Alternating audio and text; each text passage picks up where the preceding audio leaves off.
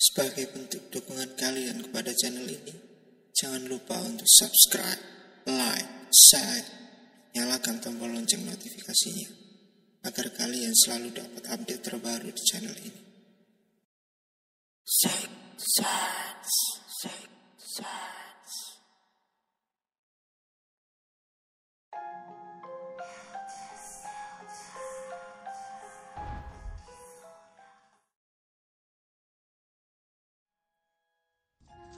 Kisah nyata ini aku alami bersama suamiku dan anakku Kal.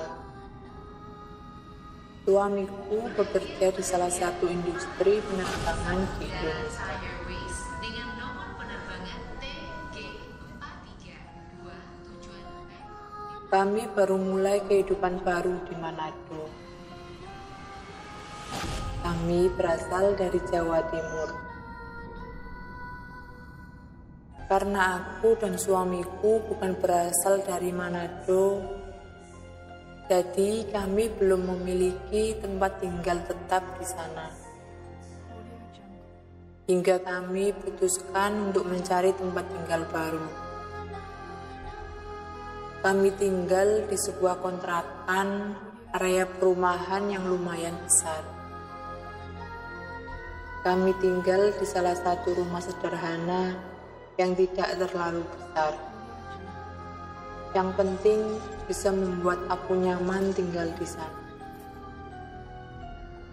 Suamiku bekerja dengan sistem shift, kadang berangkat pagi, kadang malam. Karena adanya jadwal shift itu, aku jadi sering di rumah sendiri. Setelah beberapa hari kami tinggal di sana, kami baru menyadari di samping rumah yang aku tinggali itu ada rumah kosong.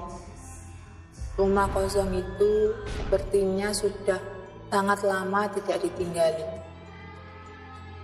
Karena terlihat rumah itu sangat kotor dan rimbun.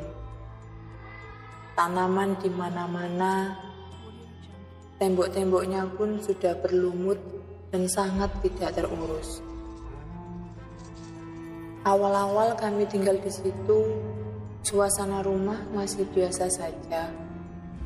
Waktu itu aku masih belum hamil, dan kami menjalani kehidupan sehari-hari seperti orang pada umum. Setelah beberapa bulan tinggal di situ, alhamdulillah aku dan suamiku diberi rezeki. Aku hamil. Selama aku hamil hingga melahirkan, suasana di rumah ini masih biasa saja. Tapi semenjak anakku umur 6 bulanan, beberapa kejadian aneh mulai muncul. Yang pertama, kejadian pada saat aku dan suamiku mau berjamaah sholat maghrib. Allahu Akbar. Tiba-tiba di baju suamiku ada rambut yang panjangnya sekitar 2 meteran. Padahal kami tidak ada yang berambut panjang. Karena semenjak aku hamil dan sampai saat ini rambutku pendek sekali. Apalagi suamiku. Suamiku jelas rambutnya pendek. Kami berpikir Rambut siapa ini? Kok tiba-tiba ada rambut sepanjang ini? Dan dari mana asalnya? Aku bilang sama suamiku, apa jangan-jangan itu rambut? Aku belum selesai ngomong, suamiku langsung nyaut. Gus, jangan berpikiran aneh-aneh dulu. Dan semenjak suamiku bilang begitu, kami sudah tidak memikirkan hal itu lagi. Tapi selang beberapa minggu, waktu itu sore-sore aku habis memandikan anakku.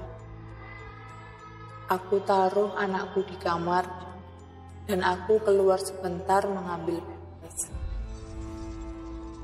Ketika itu suamiku berada di teras depan rumah.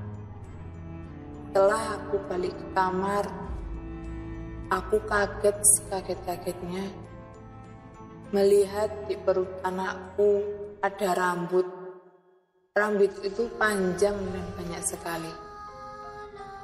Panjangnya itu sama seperti kejadian yang pertama. Seketika aku langsung teriak memanggil suamiku. Mas!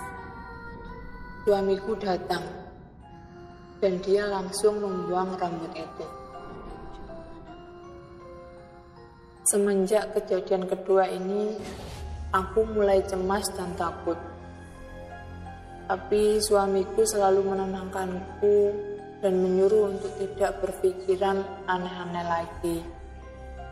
Lama-kelamaan, aku mulai lupa dan terbiasa lagi. Namun, pada saat anakku umur satu tahun sembilan bulan, kejadian aneh muncul lagi dan lebih membuatku semakin takut untuk terus tinggal di rumah ini.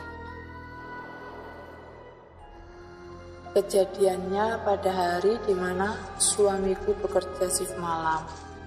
Seperti biasa, dia berangkat jam setengah delapan malam. Dan di saat suamiku sudah berangkat kerja, aku selalu menutup semua jendela dan pintu, termasuk mengunci pintu kamarku.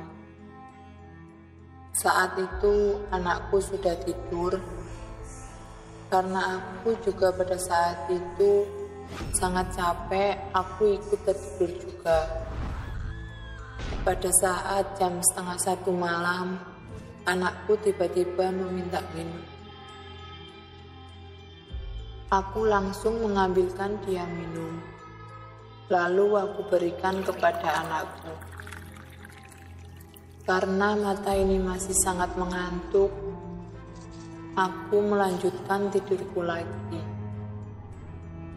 Tapi selang beberapa menit, aku mendengar anakku bermain kejar-kejaran dan tertawa sangat keras, hingga membuat tidurku sedikit terusik.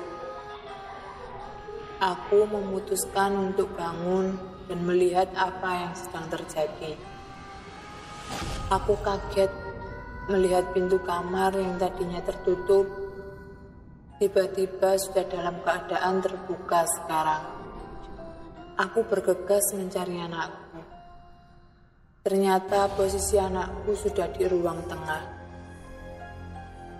Aku menegur anakku. Kal, kamu berisik, sini tidur sama bunda. Kamu main sama siapa nak? Kalian tahu apa yang terjadi? anakku tiba-tiba mengandeng sosok anak laki-laki. Aku masih sangat ingat ciri-ciri anak itu. Anak itu berumur sekitar enam tahunan. Menurutku, wajahnya tidak seperti anak dari keturunan Indonesia.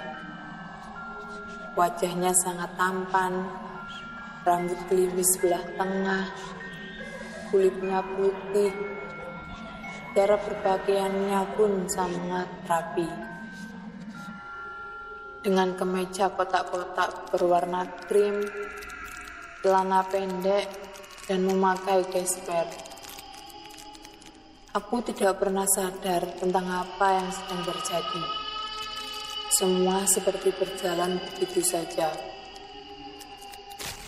Aku bertanya kepada anak itu, Kakak, Namanya siapa? Kok tante nggak pernah lihat kamu? Dia cuma menjawab dengan senyuman sambil memainkan mainan anakku. Aku lanjut bertanya, rumah kamu di mana? Dia menjawab, sebelah sini, dekat. Aku cuma jawab, oh Pikirku dalam hati, ya sudahlah, anakku ada temennya main. Jadi aku bisa tidur lagi nggak terganggu. anakku aman. Terus anakku bilang, Ibu enum. Maksudnya, Bunda minum. Aku langsung mengambilkan dia minum lagi. Aku ambilkan dua gelas air yang kutaruh di atas meja. Sambil bilang, Kakak dan Kal nanti minumnya di sini ya. Kalau mau cookies, ini ada biskuit. Tante mau tidur lagi silahkan lanjutin main dan jagain Kal ya. Tapi dia tidak menjawab, cuma menundukkan kepala saja. Langsung aku tidur lagi dan aku dibuat seolah-olah tidak menyadari kalau itu jam satu tengah malam. Aku bangun jam 4 pagi mau sholat subuh. Aku melihat kok anakku gak ada di kasur. Aku panik. Langsung ku cari di semua ruang room.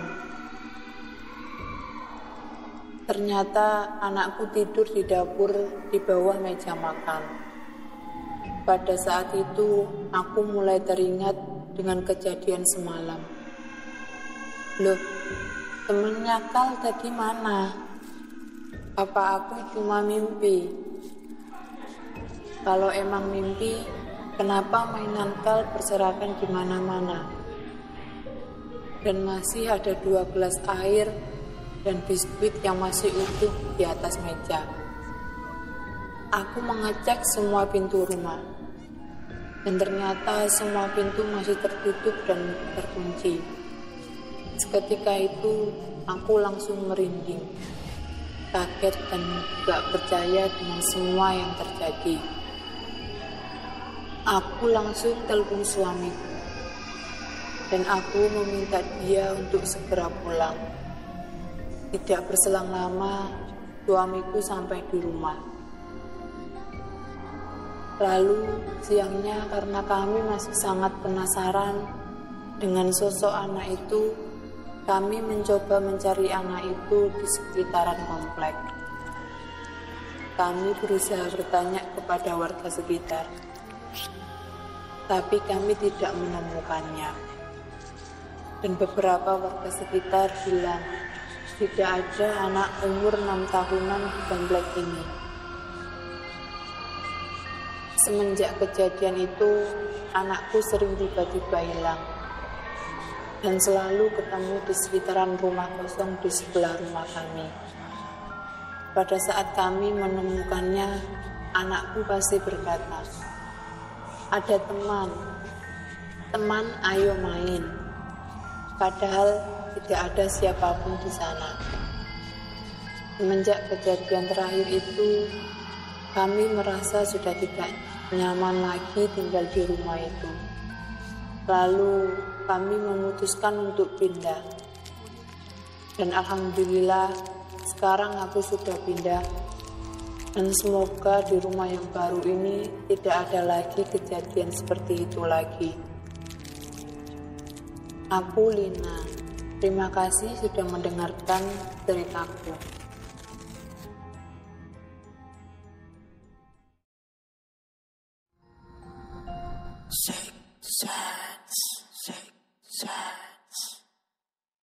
Kalian punya cerita horor? Kalian bisa kirimkan cerita kalian ke alamat di bawah ini.